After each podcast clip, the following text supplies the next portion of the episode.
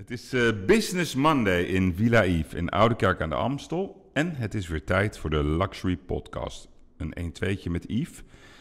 Niet poetsen, maar lullen. En dat moet deze man aanspreken, want hij is per slot van rekening voor Feyenoord. En ik kies altijd een gast die mij intrigeert en inspireert. En vandaag is dat mijn persoonlijke golfheld Joost, Joost Luiten. Zei het bijna fout ook nog. Ja, dat een Ik word, erbij, ik word nerveus, lijkt Nee, het wel. Het is een moeilijke naam. In Nederland komen ze nog wel mee weg, maar in het buitenland al helemaal niet meer. Want de naam Luiten, Ja, het is wel echt een eh, Nederlandse naam en eh, je hebt er dan nog een paar varianten. Vaak wordt er ook nog gevraagd, is het met, met UI of met eh UY? ja. Maar dit is gewoon de ouderwetse UI. En er zijn er in de, in de omgeving Rotterdam zijn er redelijk wat van. Want ze zeggen altijd op de golftour Joost Luten. Luten, ja, ik heb van alles gehoord, joh. Ik, eh Luten, Louten, eh Luiten. eh, Maar het is Luiten. het is Luiten. Ja. Kijk aan. Wat verwacht je van dit gesprek? Nou, ik sta er vrij open in. Ik, ik ben benieuwd waar je mee gaat komen. En ik, ik, ik zie het altijd wel. Ik ben van het improviseren. Helemaal goed. Je komt, ben je vandaag teruggekomen uit Spanje of gisteren? Gisteravond, gisteravond, ja. ja. Want je hebt Valderrama gespeeld. Volgens mij heb je dat toernooi... Heb je het een keer gewonnen? Nee, Bijna. Ik ben, eh, ik ben Tweede. twee keer tweede geworden. Ja. Eh, drie jaar geleden, twee jaar geleden werd ik twee keer tweede. Eén keer met één slag op Garcia en één keer op eh, Andrew Johnston. Ja. Dus een paar keer dichtbij gekomen. Een van mijn favoriete banen eigenlijk. En Eh, waarom is dat? Ja, hij staat toch wel bekend als een van de moeilijkste banen en eh, heel smal. En ik ben wel echt een, eh, een eh, straight hitter. Ik moet er echt hebben van de posities eh, op de fairway.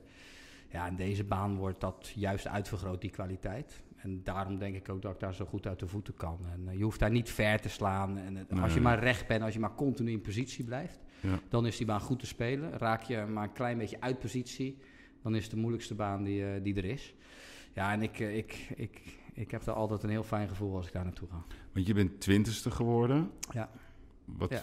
Hoe kijk je Nou ja, ik had, er, ik had er meer van verwacht eigenlijk. Alleen op, ehm, op de vrijdag, de tweede dag, eh, moest ik een 8 op een par 5 accepteren. Hol 17, hè? Ja, en een dubbel bogey. Dus dan laat je op twee holes, sla- laat je vijf slagen liggen. Als je die even weghaalt, zo kan dat niet altijd in golf, maar als je die even weghaalt, word je tweede. Ja, had ik gezien, Ja, ja. dus je- Want je, je- je ja. eindigt plus 1 en, en, en, en de tweede plek was min Min 4 vier, en een absurde score Ja, van, de- van Bezuidenhout. Ja, die leider, die eh, bezuiden uit een Zuid-Afrikaan, een vrij jonge 10. gozer, die echt met zes of zeven slagen wint, die verschil. Ongekend, ja. Dat gebeurt zelden eigenlijk in golf. En dat is wel echt eh, heel knap door, voor zo'n jongen om, om zo ver van het veld weg te lopen. Maar ik heb even teruggekeken. Als je kijkt naar zijn, zijn greens in de regulation Ja. score, even vertalen dan. Ja. Hè, dus dan haal je de green niet in één. Het was bizar hoe hij liep te chippen, joh. Dat was echt Ze, eh, ik heb ook de statistieken, ze chippen en ze putten. Ja. Die waren eh, van een andere, ander niveau deze week. Ja, kan een keer gebeuren. Dat kan een keer gebeuren. Het is nu interessant om te zien hoe gaat zo'n jongen zich ontwikkelen. Het is de eerste overwinning op de Europese Tour. Eh, Ja. Hoe gaat hij daar mee om en kan hij dat niveau ja, vasthouden? Maar als je naar de statistieken kijkt, Zou dat bizar dan, zijn? dan kan ja. dat eigenlijk niet. Kan maar goed, hij wint wel. eh, en met, zeker met 6, 7 slagen verschil. Ja, dat is wel echt, eh, echt heel bijzonder hoor. En wel knap. Want het was een interessant sportweekend. We hadden eh, Max Verstappen, Ja. eh, geweldig in, eh, in Oostenrijk. En dan kijk ik altijd even terug ook naar eh, de reactie eh, van eh, de tweede man bij jouw toernooi. En dat was John Rahm onder andere, die ook min 4 had. En die zei, ja, hè, die kreeg allemaal complimenten en dat hij goed had gespeeld. En jammer dat hij niet had gewonnen. En hij zei, ja, ik vind het wel leuk om mijn verhaal te vertellen. Maar je moet bij die bezuidenhout zijn, want wat die heeft gedaan is exceptioneel. Hij eerde hem. En dan Ja. zie je Verstappen winnen, waar gewoon een mooie sportplaats vond. En dan die zure reactie van Leclerc. Ja, ik heb het gezien. Wat vind jij daar dan van? Want jij bent liefhebber van sport. Ja, ik ben liefhebber van sport en ook zeker van autosport. Ja, ik, ik, ben, het, ik ben het aan de ene kant natuurlijk met, met, met Max eens. Van joh, als dit al niet mag, ja, wat doen we hier dan nog? Aan de andere kant zijn er heel duidelijk regels opgesteld. Ja. En, eh, ja, en Leclerc had volgens mij het idee dat, dat, dat Max iets fout deed. Ja, dan denk ik, ja, ik kan het in de emotie op dat moment. Die jongens, eh, die stapten uit de auto en er staat gelijk een camera met een, eh, met een microfoon. Ja, dan, dan zijn dat wel de momenten voor de journalisten om er bovenop te duiken. Maar als sporter moet je dan soms eventjes ehm, even een seconde nadenken. En ja, misschien achteraf, als dan dat allemaal wat, wat betaard is, dan daar een punt van maken. Maar ja, in golf is, is misschien toch wel weer een hele andere sport. Maar is dat En, ander publiek, de golfer? De spelende ja, golfer? eh, Nou, ik denk niet dat het een ander publiek is. We- Uiteindelijk willen we allemaal winnen. Alleen ik denk dat wij... Kijk, wij, wij, wij zijn wel tegenstanders, maar wij spelen eerst tegen de baan. En dan gaan we kijken, oké, waar sta ik in het veld? Wij hebben niet een directe tegenstander, dat is eigenlijk de baan. Ja. Hè, en en bij, bij Formule 1 rij je wel direct tegen je tegenstander. Dus wij moeten... Ik kan wel met alle spelers bezig zijn... Maar als ik daardoor zelf slecht speel, ga ik, niet, ga ik het toernooi niet winnen. Dus ik moet met mezelf bezig zijn. Ik moet mezelf concentreren. Ik moet zelf zorgen dat ik goed speel. En dat ik het van de baan weet te winnen. Als ik dan niet van de baan weet te winnen, dan win ik ook niet van mijn, van mijn concurrenten. Dus bij ons is dat toch altijd wel... Ja, als je dan met zes slagen verschil of zeven slagen verschil wint... dan kan je dat ook wel gelijk in perspectief zetten... hoe goed die andere gozer dan gespeeld heeft. Want als jij, jij bent, eh, ik bedoel, jij bent nummer één in Nederland. Dat weten heel veel mensen niet. Het valt mij ook op dat wij eigenlijk heel weinig topgolfers hebben. Dat geeft Ja. ook aan hoe moeilijk het is. Ja. Want de sport wordt in Nederland best wel intensief beoefend, steeds meer. Dan zie je hoe moeilijk het is voor mensen om echt door te breken. Goede spelers, hè? Wil Besselink, Lars van Meijel. Als je ziet hoe die die bal raken, denk je wauw. Maar toch lukt het ze niet om, om die, die laatste stap te maken. Dat is wat mij fascineert. We stonden net even beneden. Toen vertelde ik, ja, wat is dit voor een raar spelletje? Voetballers die, die denken dat ze daarna de wereld kunnen veroveren. Kan jij mij uitleggen wat het verschil is tussen een leuke golfer... plus twee, plus één, hè, dat doen wij, doe ik een moord voor... maar tussen de echte top, wat is dat verschil? Nou, verschil wordt gemaakt. En ik denk niet dat dat alleen in golf zo is, maar de echte top ehm, zijn mentaal sterker. Kunnen de druk aan, zijn juist onder druk beter. En ehm, dat zie je nu ook hè, bij Formule 1, om dat maar even aan te houden. Waarom is Max zo goed? Ja, die, die, mentaal is hij zo goed. Laat zich door niks en niemand gek maken. Ja, en, en daar liggen zijn krachten. En ehm, ja, bij golf heb je heel veel spelers die kunnen, dat noemen we altijd op woensdag, als het toernooi nog, nog moet beginnen, dan zijn ze heel goed. En dan moet het toernooi beginnen. En dan zijn ze ineens een, een, tandje midden. Terwijl de top is andersom. Die zijn op woensdag niet zo goed. En dan op donderdag, als de druk erop staat, zijn ze top. Ehm, dus die gebruiken de druk en, en, en, ehm, ja, en, de, en om die in een betere focus te komen, in een betere concentratie te komen en te kunnen presteren. En ik denk dat daar toch het verschil wordt gemaakt. En je moet ook niet vergeten dat golf wereldwijd echt een enorm groot sport is. Om Ja, daarbij de beste 200 van de wereld te Dat komen is wel abnormaal goed. moet je echt heel goed zijn. Moet Ja. het, soms moet je ook op de juiste momenten even de juiste resultaten halen. Om even een, een, een, een stapje ja, eh, omhoog te komen. En ja, dat, dat, dat wordt toch in Nederland onderschat. Dat iedereen die prof wordt, maar zo even de Europese Tour oploopt. Ja, dat, dat is niet zo. En dat is ook goed dat dat niet zo is. Anders is- zou er geen euro te verdienen zijn als iedereen zomaar de Tour oploopt. Dus, dus het is ook goed dat het, het, dat het heel moeilijk is. Alleen, ik denk dat ook de spelers zelf het soms onderschatten wat het verschil is tussen amateurgolf. Want op een gegeven moment moet je, we hebben nog verschil tussen profs en amateurs. Als je die stap maakt naar de profs, ja, sommige amateurs denken daar ook wel heel makkelijk over. Die denken ook, ik speel handicap 0 hè, bij de amateurs. Dan denken ze, ja, dan ben ik net zo goed als de profs. Ja, wij Ja. hebben geen handicappen meer. Maar ja, wij, als wij handicap zouden hebben, zouden we plus 6, plus 7 zitten. En dat is dus zes sla- slagen per ronde verschil. Ja, ja, precies. En dat is 24 slagen Dat is 24 in totaal slagen in op een toernooi. toernooitje. Ja. Nee, dat zie je ook vaak. Hè. Bij die toernooitjes dan heb je van die gelegenheidsspelers. Die mogen dan meedoen, vooral in Ja. China. Ja, En dan, zit ik altijd te kijken op die scorecards. En zie je onderaan staan plus 32, ja. plus 27. nou, dat is dan een beetje opvulling voor het veld. En natuurlijk sommige Ja. namen, we hebben het er net ook over Kavelnikov, oud-tennisser, die is dan profgolfer geworden.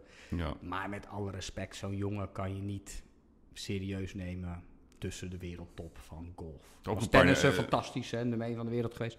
Allemaal top. Alleen als je dan op je dertigste denkt van, ja, nou ga ik maar profgolfer worden. Ja, dan neem je het vak ook niet helemaal serieus. Want hoe heet, eh, Van Basten heeft het ook nog geprobeerd toen hij gestopt was als voetballer. Ja, volgens mij heeft hij nooit prof. eh, hij heeft wel op hoofdklasse op amateurniveau in Nederland gespeeld. Volgens mij is, heeft hij nooit, is hij nooit prof geworden. Maar goed, dat, dat zou ik ook als ik hem was. Zou, hij moet gewoon lekker blijven genieten van het spelletje. En eh, gewoon lekker, Ja, ja, lekker lol ja. hebben. Maar re- re- realiseer jij je, eh, als je bezig bent met dit spelletje, hoe bizar het eigenlijk is eh, dat je als Nederlands jongetje uit Blijswijk bij de beste 100 golfers in de wereld hoort. Want ik volgens mij, ik weet niet, ik heb geen niet geteld, maar volgens mij doen er spelen misschien honderden miljoenen mensen golf. Als ik in Amerika kom, Ja. Japan, vooral die. Aziatische landen. is nu gigantisch aan het groeien. Het is in, echt, eh, echt prestige Ja. als, je, als, je een, als je op een golfbaan kan komen. Dat je dan bij zo'n select groepje hoort.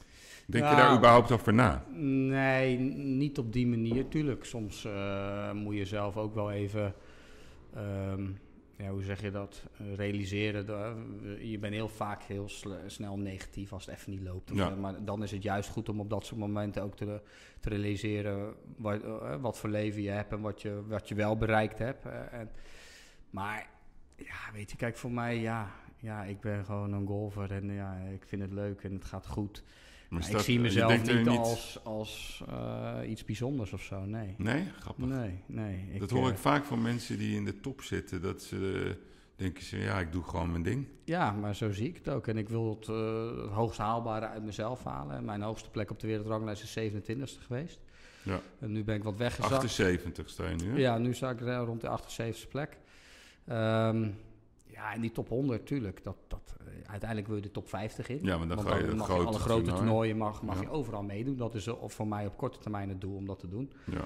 Ehm, ja, dan zit je nu al een tijdje dichtbij. En ik moet nu even de topvorm vinden om die stap te maken. En ik weet dat ik het kan. Maar vind ik het van mezelf heel bijzonder. Ja, dat gek is, ja, je went ook aan je eigen niveau. Ja, Klinkt misschien heel gek, maar ja, je speelt wekelijks met de beste jongens van de wereld. ja. Ja, en je went aan dat niveau, wat ook juist goed is. Want als je daar tegenop blijft kijken, ja, dan, dan ga je waarschijnlijk nooit aanhaken. Maar ik vind mezelf, natuurlijk vind ik mezelf een goede golfer. Alleen Ja. ik vind mezelf niet bijzonder als persoon. Ja, zo, ja. Oké, nou dat mag. We komen daar straks nog even op terug. Ehm, ik heb ehm, een aantal vaste, pittige vragen, persoonlijke vragen, onverwachte vragen. Vragen die bij jou passen. Sommige zijn grappig, sommige zijn opmerkelijk, sommige zijn serieus. Er zitten een paar belachelijke vragen tussen, Ik ben benieuwd. maar ze zijn eh, uitdagend. Ben je klaar voor Yves' questionnaire? Kom maar op. Kom maar op. Jouw vader Nico is jouw coach. Ehm, ik heb begrepen dat zijn gezondheid niet zo goed is. Hoe gaat het met hem? Gaat goed. Ehm, hij is niet mijn coach. Hij doet wel wat, wat op de achtergrond wat zakelijke eh, dingen. Ja, ik bedoelde me. meer me- soort, me- meer eh, manager-achtig Ja, iets in Nederland. ja. Hij, is, hij is goed. Hij is herstellende van een hartoperatie. En hij is eigenlijk weer de oude. Ja? Dus ja, dat gaat goed. Dus eh, dat, eh, dat, eh, daar zijn we wel blij mee. Dat de operatie kijk je toch altijd tegen, even tegenop. Hè. Maar dat is gelukkig goed gegaan. Dat is nu een maand of drie, vier geleden. En ja, hij doet nu alles weer. Hij loopt op de golfbaan en hij is weer, hij is weer Kan hij een beetje golfen? Nou, en ik heb 13, volgens mij een beetje hetzelfde als jij. Nou, jij nou, zei ook, en ik heb 13 Nee, volgens mij. 17 als Zeven- ik Nou dat ja, dan zie je, dan zie je in, de, in de buurt. En, Ja. hij, is, hij is heel fanatiek, bloedfanatiek. Net ja, als ja. ik. En als hij iets doet, dan wil hij het goed doen. En eh, als het dan niet lukt, dan eh, kan hij dat ook wel, eh, wel laten blijken hoor. Dan gaan er nog wel eens wat, eh, wat, eh, wat stokken. Ik moest één keer moest ik naar de golf, wel leuk verhaal. Hij belde me op een keer in de zomer. Joost, je moet naar de golfbaan eh, komen en trek je zwembroek aan. trek je zwembroek aan. Oké, ik met mijn broer naar de golfbaan, zwembroek aan. Hij was klaar met spelen. Hij zei, hey, je moet even naar hol 7 toe. Daar ligt een slootje in het midden. En hij zegt, ligt mijn ijzer 7 in, want die heb ik het water in gegooid. Ik was boos. Hij zei, moet jij even op gaan duiken. dus wij duiken in dat slootje en we konden die club niet vinden, joh. Konden niet vinden. Hij zei, ja, hij zei, ik zal nou even kijken. Het was niet in dit slootje, nee. Je moet 100 meter de andere kant. Wat lag het in een ander slootje? Toen hadden we de club zo gevonden. Maar zo, eh, zo, eh, ja, zo kan die nog wel zijn op de golf. Maar Je dat is goed om hem zo weer te zien. Ja, mooi, mooi. Want jij, jij, hebt, jij komt uit een gezin van vier broers. Ja. Jij bent de jongste. Ja. Zie je vaak, hè? Dat zijn Ja. de fanatiekste. Ja. En wat, wat was je vader? Want volgens mij is hij wel belangrijk voor je geweest. Zeker, heel belangrijk. Of nog steeds Eh, natuurlijk, Ja, nee, maar- heel belangrijk. Kijk, mijn vader die, eh, die heeft altijd eh, kwekerijen gehad in een tuincentrum. Hij is toen... Ja. ja, Komt toen uit Blijswijk, Ja? Blijswijk. Een tuincentrum zit in Zoetermeer, de Driesprong. En ik, eh, ik golfde al wel, maar mijn vader die, was eigenlijk alleen maar aan het werk. En die had geen tijd, vond het ook niet zo leuk. Totdat hij overspannen werd. Ik was een jaar of dertien, denk ik. En toen zei de dokter van, joh, je moet iets vinden waar je een beetje je ontspanning in kwijt kan. Want ja, dit uh, werken, je werkt jezelf kapot. Dus ga wat vinden. En toen dacht hij, elke keer als hij mij dan een keer moest sprengen voor trainingen, nou, dan ga ik zelf ook een keer een, een bal slaan. Ja, en toen is hij nog verslaafder aan het spelletje geraakt dan ik. En doordat hij toen zelf ook is gaan golven, ging ik ook meer natuurlijk. En zo ben Want, ik... hij is, want jij bent begonnen met golf op je zesde. Ja, door mijn oom. Mijn je oom. Zijn, hè, mijn vaders broer, die, die, die golfde. En die nam me mee als kleine jongen voor het eerst. En eh, ja, ik vond het al leuk. Ik vond alle sporten leuk. Ik zat op voetbal. Ik, uh, ik was een goede, goede skier. Uh, ja, ik heb zelfs gelezen dat jij schansspringen ja, deed. Ja, ski, skispringen. Ja, schansspringen op mijn tiende heb ik in het Nederlands team gezeten. Echt waar? En dan moesten om het weekend gingen we naar Duitsland voor trainingen. En daar heb ik toen een ongeluk gehad. Toen heb ik mijn arm, mijn been, mijn neus, alles een beetje gebroken. En toen zei mijn vader van, nou, dit gaan we niet meer doen. hier stoppen we mee. Ja, en ik had nog wel doorgewild, want ik, ja, ik vind alles leuk. En vooral als het een beetje spannend is en een beetje adrenaline, nou, dat, uh, dat zat daar natuurlijk genoeg in. Maar toen hebben we gezegd, dat lijkt me niet meer, gaan maar wat meer voetballen en, en golven. En uh, daar zijn we toen mee gestopt. Maar dat heb ik ook nog uh, ook gedaan. En, en voetballen? Ja. Kon je een beetje voetballen? Nou, ik was een linksback. Ik was een oh, bijtertje. Ik moest, ja, ja, ik, ik, moest het ook niet hebben van mijn, van mijn fysieke kracht. Ik moest het hebben van mijn slimmigheid en van het bijten. En, ja, als je me voorbij wilde, dan, uh, dan, dan, dan ja, kon je me wel voorbij, maar meestal ging je neer als je er langs Ja, want je hebt, je hebt heel goed bal-oogcontact. Want ik heb ook een keer een filmpje gezien dat je aan het jong leren was. Ja, heb ik ook vroeger veel gedaan. Eigenlijk met mijn broers, wij, we, we, ja, we, op een of andere manier al, waren we altijd bezig met jong leren, eenwielers, uh, allemaal dat soort dingen. Ja, en dan leer je natuurlijk ook wel dat hand-oogcoördinatie mee. En dat, dat, dat heb ik vanaf een jonge leeftijd geleerd met drie van die oudere broers die dat allemaal deden. Dus ik denk dat dat me ook wel geholpen heeft om misschien uh, die hand-oogcoördinatie uh, te ontwikkelen. Maar wij deden veel van dat soort uh, sporten.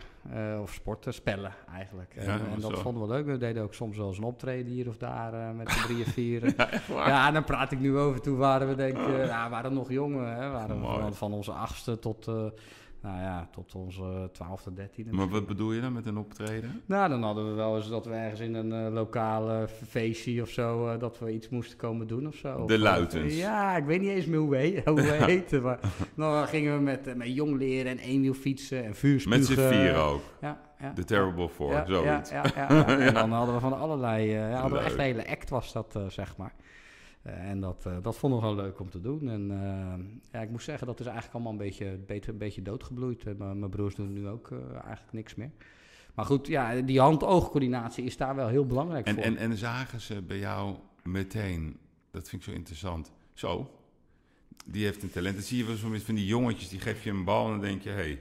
Ja, ik denk dat bij golf hebben ze, dat, dat zat er wel gelijk in. En ik pakte dat heel makkelijk op allemaal, zoals zesjarige jongen. Maar het is een hele moeilijke sport om eigenlijk Ja. de, de basis en de techniek te leren. Maar bij mij ging dat altijd ja, heel snel, heel makkelijk. En daar merk je denk ik aan of er eh, een jongen of meisje talent voor hebt. Ja, en ik had op een of andere manier de, de gedrevenheid en de, de... Ja, ik was gewoon verslaafd aan het spelletje. Ik, ik, elke golfbal die ik zag liggen, die moest ik slaan.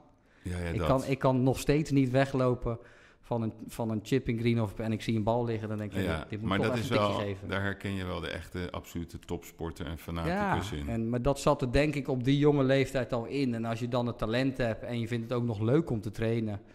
ehm, ja, dan dat is denk ik de, de ideale combinatie. Uiteindelijk is talent alleen niet meer voldoende. Je moet gewoon ook zeker in, in golf, in je jongere jaren moet je je uren maken.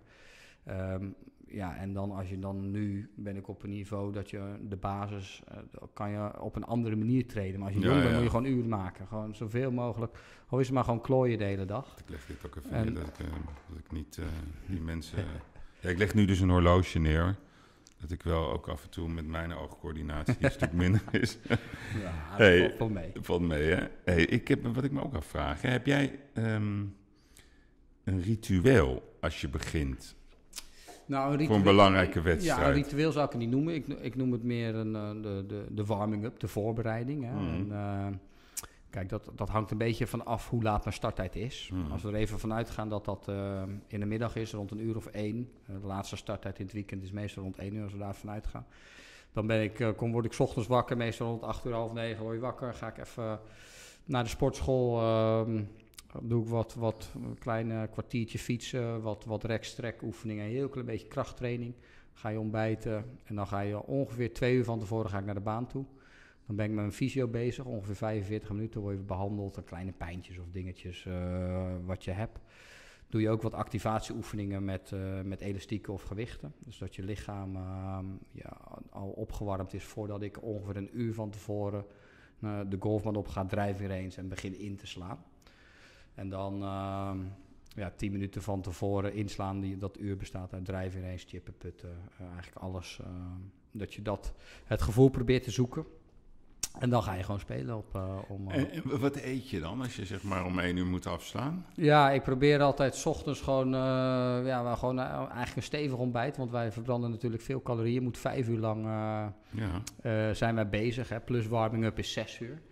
Um, dus wat, wij, wat ik heel veel gebruik is ook uh, eigen producten die in de wielrennerij uh, gebruikt worden. Powerbar. Uh, dat zijn wat, ja. wat kan je in je water doen. Dat is een combinatie van koolhydraten en, en eiwitten.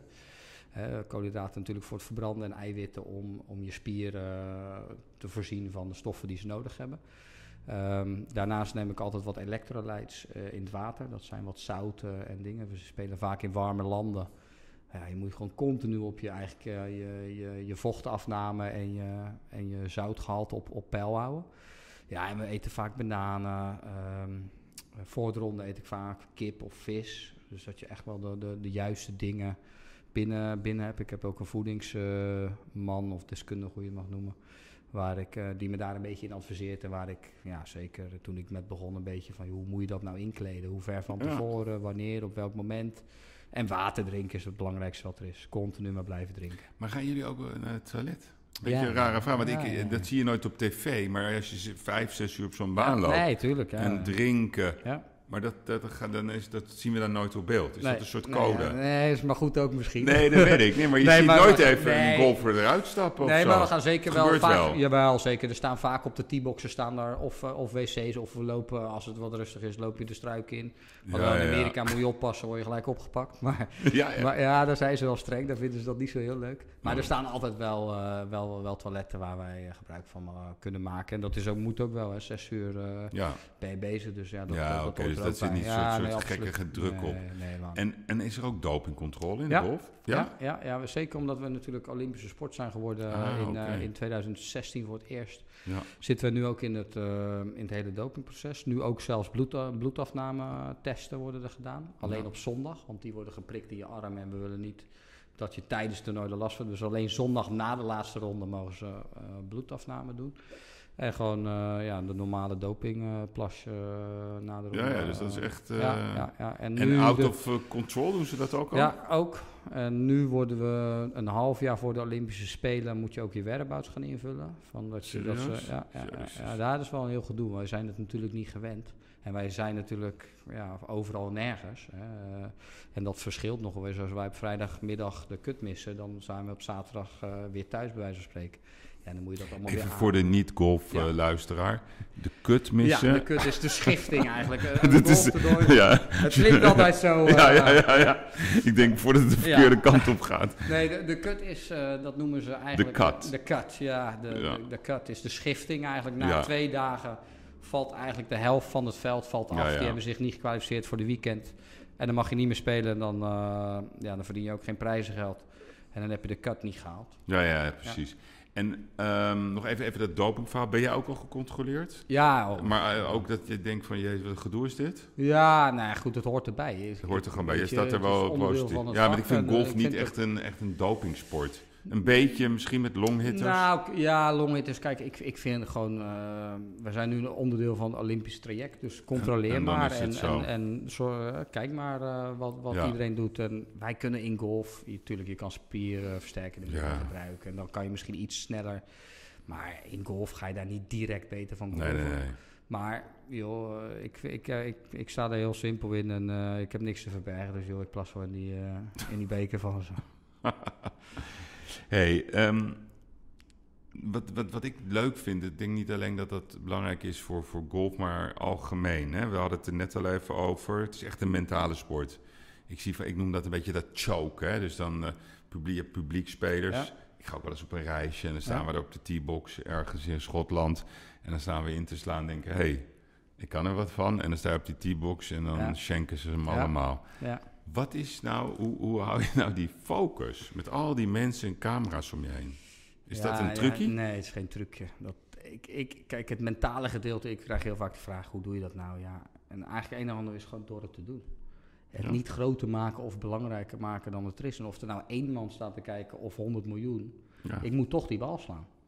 Dus je moet het eigenlijk in je eigen hoofd, probeer ik het zo simpel mogelijk te houden. Het klinkt zo makkelijk, hè? Ja, maar, maar het, het, was het maar een trucje. Dan kan je dat iedereen leren. Maar ik ben ervan overtuigd dat het mentale gedeelte, ehm, of dat nou bij golf is of misschien bij andere sporten, maar dat wordt in de eerste 10, 12 jaar van je leven wordt dat bepaald. Hoe sta je erin en hoe, hoe ga je om met tegenslagen of met Ja, ja. druk. De En eerste 10, 12. daar geloof ik in. Daar word je gevormd ehm, hoe jij met dat soort situaties omgaat. En dan kan je met heel veel mental coaches gaan praten en die kunnen je misschien een paar procent beter maken. Maar jij gaat niet van mentaal zwak naar de beste in de wereld door met een mental coach te werken. Daar geloof ik niet in. Dat moet op een of andere manier in de, in de beginjaren van je leven gevormd zijn. En dat zie je bij alle wereldtoppers. Die, die hebben iets bijzonders van jongs af aan. Maar ik bedoel, jij, jij komt uit een gezin met vier broers. Je begon op je zesde met golfen. Dan ben ik nieuwsgierig. Waar is dan jouw mentale power? Hoe ging dat dan? Ik moest al boksen tegen drie van die grotere gasten. Maar gaven ze je klappen dan ook? Nou, die heb ik wel gekregen. Ja. Als het even kon, gaf ik ze terug. Maar dat is lastig als ze een stuk groter zijn. Maar ja, ik denk dat dat toch wel bij mij eh, daarmee te maken heeft. Dat ik toch eh, ook, ook op, door de manier van opvoeden. eh, Streng? Maar ook ja, streng. En, en we moesten ook gewoon. Toen ik 12, 13 was, moest ik gewoon werken in de kas in de, in de zomervakantie. Moest ik 's ochtends moest ik werken en dan 's middags mocht ik naar de golfbaan. Dus, dus gewoon ook de manier van opvoeden eh, en de manier van, van ja, toch opboksen ook tegen mijn grotere broers. En ja, op een of andere manier zat het er bij mij altijd in dat ik altijd beter wilde zijn dan, dan hun. En ja, dat, dat, dat is dus op een of andere manier zat dat Ja. gewoon in. En als je dan drie broers hebt waar je continu tegen moet opboksen, wordt dat gevoel alleen maar versterkt natuurlijk. Grappig, hè? En, en jouw broers, zijn dat ook jouw grote supporters? Nee, ik zou niet zeggen dat dat mijn grootste sporters zijn. Ze volgen me wel, Ja. maar ze, ze golven geen van drieën. Nee? Nee, helemaal niet. En, dat, eh, en, en ja, ze, ze weten eh, vaak wel, lezen ze dan als ik ergens goed heb gespeeld. En dan krijg ik wel een appie van nou, lekker gedaan. Maar het zijn niet eh, de, de jongens of de supporters die eh 24 uur per dag voor de tv zitten om te kijken. Hoeft hij de hele dag De laatste app tijd, de kijken? laatste jaren gaat dat eh, nu het ook wat meer en makkelijker op tv te volgen is, vinden ze het wel steeds leuker. Ja. Maar ik weet nog goed dat ik eh, voor het eerst tweede werd op het KLM Open in 2007. Toen kwamen ze voor het eerst kijken. En toen vroegen ze aan mijn moeder, eh, mam, wat, wat doen al die mensen hier op de golfbaan? En die kwamen dan kijken. Er stonden 10.000 man. En dat, dat hadden ze helemaal niet beseft. Dat, dat, eh, ja, dat was mijn eerste jaar als prof. Dat dat toch... Ja, dat, dat daar supporters kwamen kijken en dat soort dingen. Maar ja, hun hebben hun leven, ik heb mijn leven. En dat is, dat is ook prima. Dat hoeft ook, ook helemaal niet. En ja, dat gaat eigenlijk heel goed. Geestig. Dan loop je met een caddy. Nou, even voor de uitleg. Een caddy is iemand die je tas draagt. Maar wat, wat is nou de bedoeling van een caddy? Kan je mij dat eens uitleggen? Nou, in principe eh, is de caddy een soort van mentale eh, begeleider tijdens de rondes. De enige die, die de hele ronde bij je is, hè, waar je dingen mee kan bespreken. Ja. Die ook merkt, omdat hij er altijd bij is van, oké, ehm, wordt hij boos? Hoe staat hij erin? Wat moet ik doen? Hoe moet ik hem prikkelen om, als even een paar mindere holes, hoe prikkel ik hem weer om de focus en de concentratie te krijgen? Ehm, zijn, zijn, zijn taak zijn de afstanden, windrichting, pinposities, eh, tactiek. Hoe ga je de baan bespelen? Dat bespreek je ook met, met je caddy. Dus daar komt wel wat meer bij kijken. Maar luister je daar maar- ook naar? Nou, niet, niet altijd. Uiteindelijk ben ik degene die, die de bal moet slaan en eh, die, de, die de final call hebt, zeg maar. Die, die moet beslissen. Maar 99% van de, van, de, mm, ja, van de dingen die je bespreekt en als hij iets anders zegt, dan ga ik daar vaak wel in mee. Anders heeft het ook geen zin om hem iets te laten zeggen. Dus af en toe moet je hem ook wel. Maar als ik echt denk van nee, dat, je hebt het nu echt helemaal fout, dat, dat zie ik niet zitten. Dan moet je als speler altijd je eigen ding doen. Ja, want bijvoorbeeld, ik vind wel een caddy belangrijk bij het putten. Het lezen van Ja. de lijn. Ja. Nou, dus wij hebben ook wel eens met caddies gespeeld. En dan word ik helemaal krankzinnig van een caddy die mij de verkeerde lijn vertelt. Ja, dat heb, Dus ik precies, dat heb ik precies hetzelfde. Ja. Eh, en, en daarom lees ik ook eigenlijk mijn eigen lijn. Ja. En als ik soms twijfel, dan roep ik hem erbij. Ja, En, dan zeg ik, en dan kijken we of hij hetzelfde ziet als ik. ja, ja. Maar als ik zelf, als ik in vorm ben en ik lekker spelen, dan lees ik mijn eigen lijn. Dan kan je ook niemand je in twijfel brengen. Want dat is het gevaar van een caddy. Ja, Die kan je ook heel makkelijk weer aan het ja twijfelen dat brengen. jij denkt, ik zie de lijn ja, eh, en het hoeft maar één of twee keer fout te gaan. Ja, En dan ben je het vertrouwen kwijt. Maar goed, dat hoort er ook bij. Je- Wij slaan zoveel ballen eh, in wedstrijden. Dat, dat gaat ook wel eens fout. Ja, dat is ook onderdeel van het vak. maar is het nou je- fijner om een caddy te hebben... waar je, de- wat niet je beste vriend is... maar gewoon iemand die een beetje afstandelijk zelfs is... Of is het fijner, zoals bijvoorbeeld Dustin Johnson, die loopt heel vaak met zijn broer. Ja, ja. Wat, wat, of is dat persoonlijk Nou, ik denk wel dat je een caddy moet hebben waar je ook een persoonlijke klik mee hebt. Ja, Kijk, ja. we- wij eh, we zitten zes dagen per week, eh zeven, acht uur per dag ben je, ben je met elkaar bezig. Ja, als je dan iemand aan de tas hebt waarvan je zegt, nou, ik vind het echt een klootzak.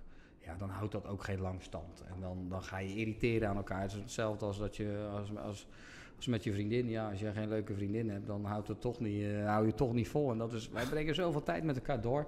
Daar moet een persoonlijke klik en eh, band zijn. Eh, en anders eh, houdt het Want jouw vriendin, die, die, die zag ik een keertje meelopen als caddy. Ja, dat was op. eh, wij speelden toen de Golf Sixes. Ja. Dat is een nieuw format. Dat is zes holes. Dat was iets nieuws. En dat was eigenlijk een beetje een, een lol-toernooi, een probeersel. En toen heb ik gezegd van joh, mijn caddy kon niet die week. Ik zeg, wil jij dan, wil jij dan caddyen? En dat, eh, dat hebben ze toen gedaan. Maar Vond je dat eh, niet gênant? Dat ze met die zware tas die Nou ja, ik zei joh, ik regel wel een klein draagtasje. Nee, ze zegt, als ik ga caddyen, dan wil ik het doen zoals de echte Ja, ze eh, dat? caddies dat, eh, dat doen. En dan wil ik ook gewoon die grote tas. Want zij, zij, Ja, zij, ja, zij is heel mooi. eh, ze heet Melanie, geloof ik. Ja.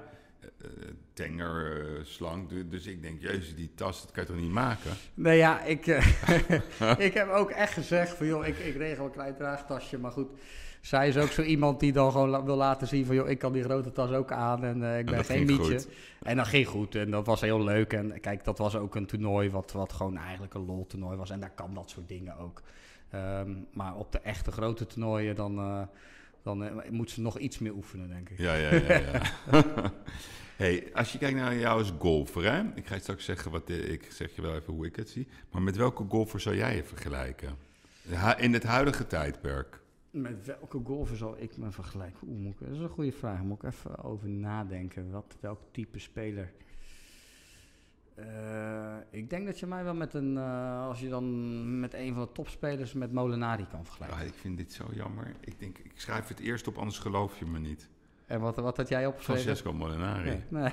Het grappige is, ik heb ooit Ian Poulter geïnterviewd, twee jaar geleden. En ik had je verteld dat ik in Dubai...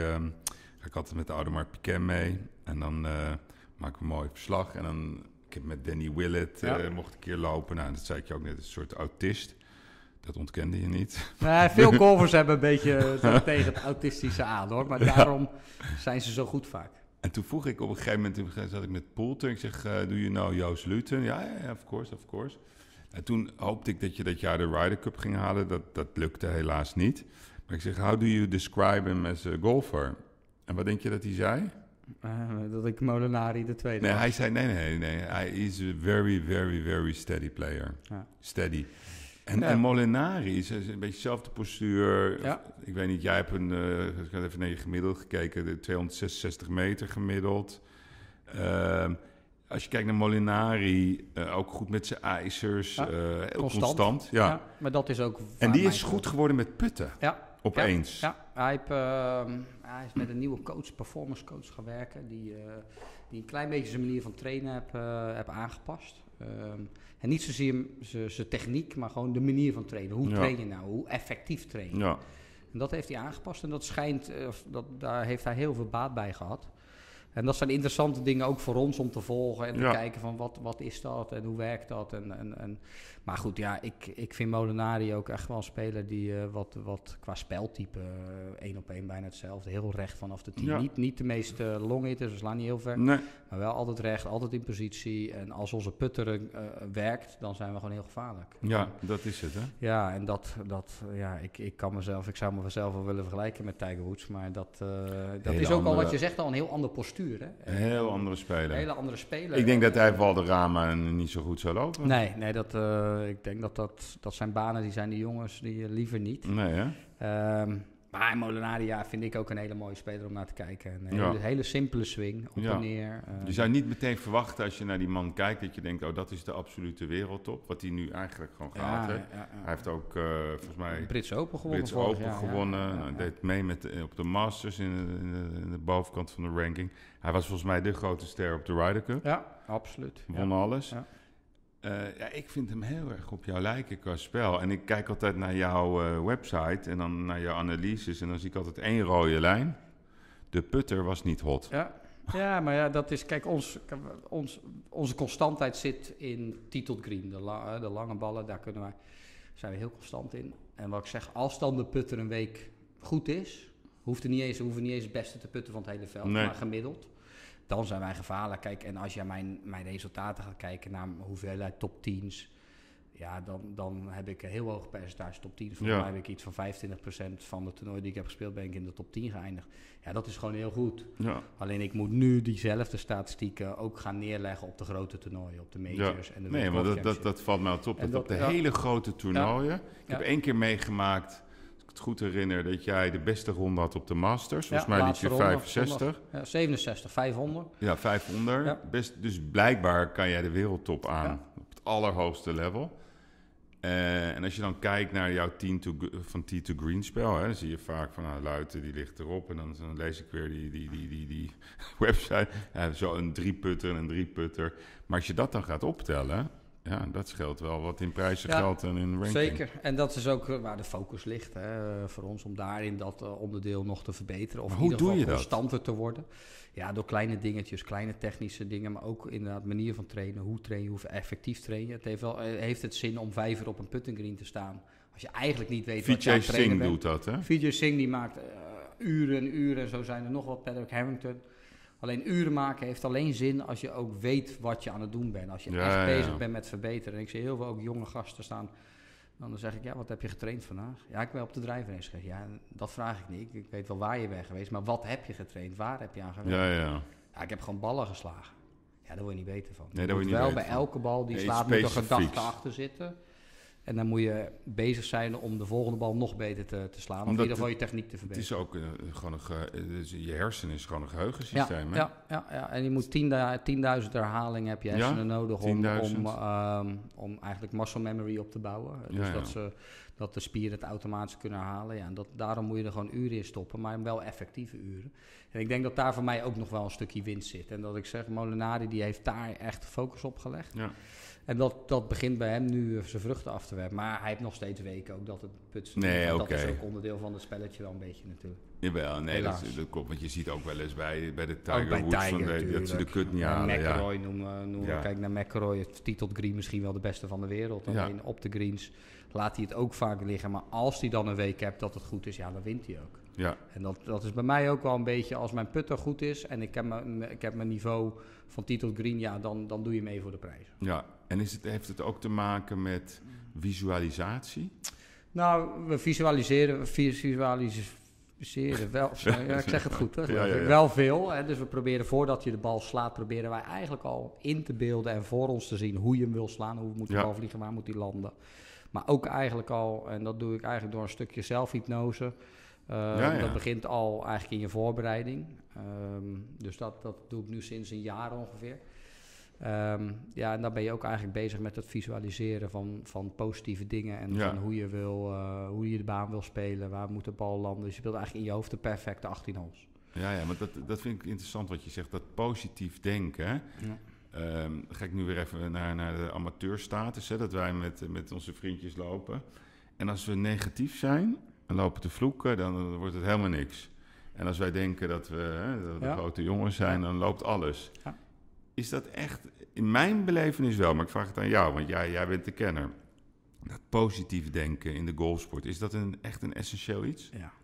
ja, dat is wel heel belangrijk. Kijk, ook omdat als jij iets denkt wat negatief is van ik moet niet het water in. Ja, ja. Ja, dan, dan, dan ben je eigenlijk al bezig met het water. Kan je er net zo goed in gooien. Mooi dat je dat zegt, ja. Want dat is Dus, vaak als je voor dat water staat, hoe vaak je dan in, denk je van een Ja. hele eenvoudige slag. Maar als jij gewoon denkt van, nou, ik sla bij de vlag. Dus je, je, je praat niet over maar je draait het eigenlijk om van, nou, de- er- is genoeg ruimte ja. om niet het water in te gaan. Ja, dan, eh, dan, dan is het al een hele andere benadering van, Ja, ja. eh, van gedachten. En het, eh, de hersenen registreren het woordje niet niet. Dus ja, als jij dan hoorde, eigenlijk horen je hersens alleen maar water, water, water. Ja, en dan ga je er waarschijnlijk ook heen, omdat je daarmee bezig bent. Dus je moet juist bezig zijn met de dingen die je wel wil bereiken.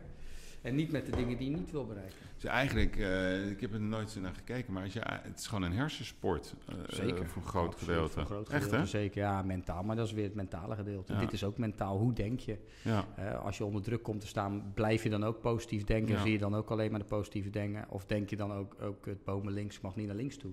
Ja, Mhm. Dan ga je juist naar links toe, want ja, hoort je niet, hoort je hersen niet. Dus die hoort alleen maar bomen, bomen, bomen. Dus of je gaat links de boom in, of je overcompenseert en je gaat rechts uh, de rotzooi in. Goed hè, dit. Dus ja, dus, uh, je moet positief denken. Maar ja, dat is denk ik in alle dingen zo. Ja, ja, nee, maar als jij een penalty bij voetbal neemt en je denkt, uh, ik ga hem naschieten, dan schiet je hem waarschijnlijk schiet ook naast. Of je schiet een lafjes door het midden die de, en pakt keeper hem. Ja, klopt.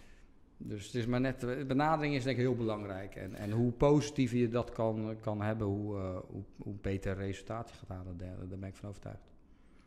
Interessant. Uh, en wat, wat doe jij? Ik vroeg me af, hè, dus je, je bent bezig met die sport. Nou, dus ik vind het nog best wel een heftige sport. Want je vertelde net, je moet om 1 uur beginnen. Maar ik zie ook wel dat jullie om 7 uur 20 ja, beginnen. Ja. Dan denk ik, ja, ja, half uurtje rijden, inslaan. Sla je dan, dan sta je op om 4 uur of ja, zo? Ja, wij hebben soms een toernooi in Zuid-Afrika. We gaan de eerst om half zeven ochtends de baan zo. in. En dan, nou, als je dan even van, dat de voorbereiding twee uur van tevoren begint. Dus dan is het al maar half zeven, half vijf beginnen. Ja, dan gaat om uh, half vier uh, de wekker.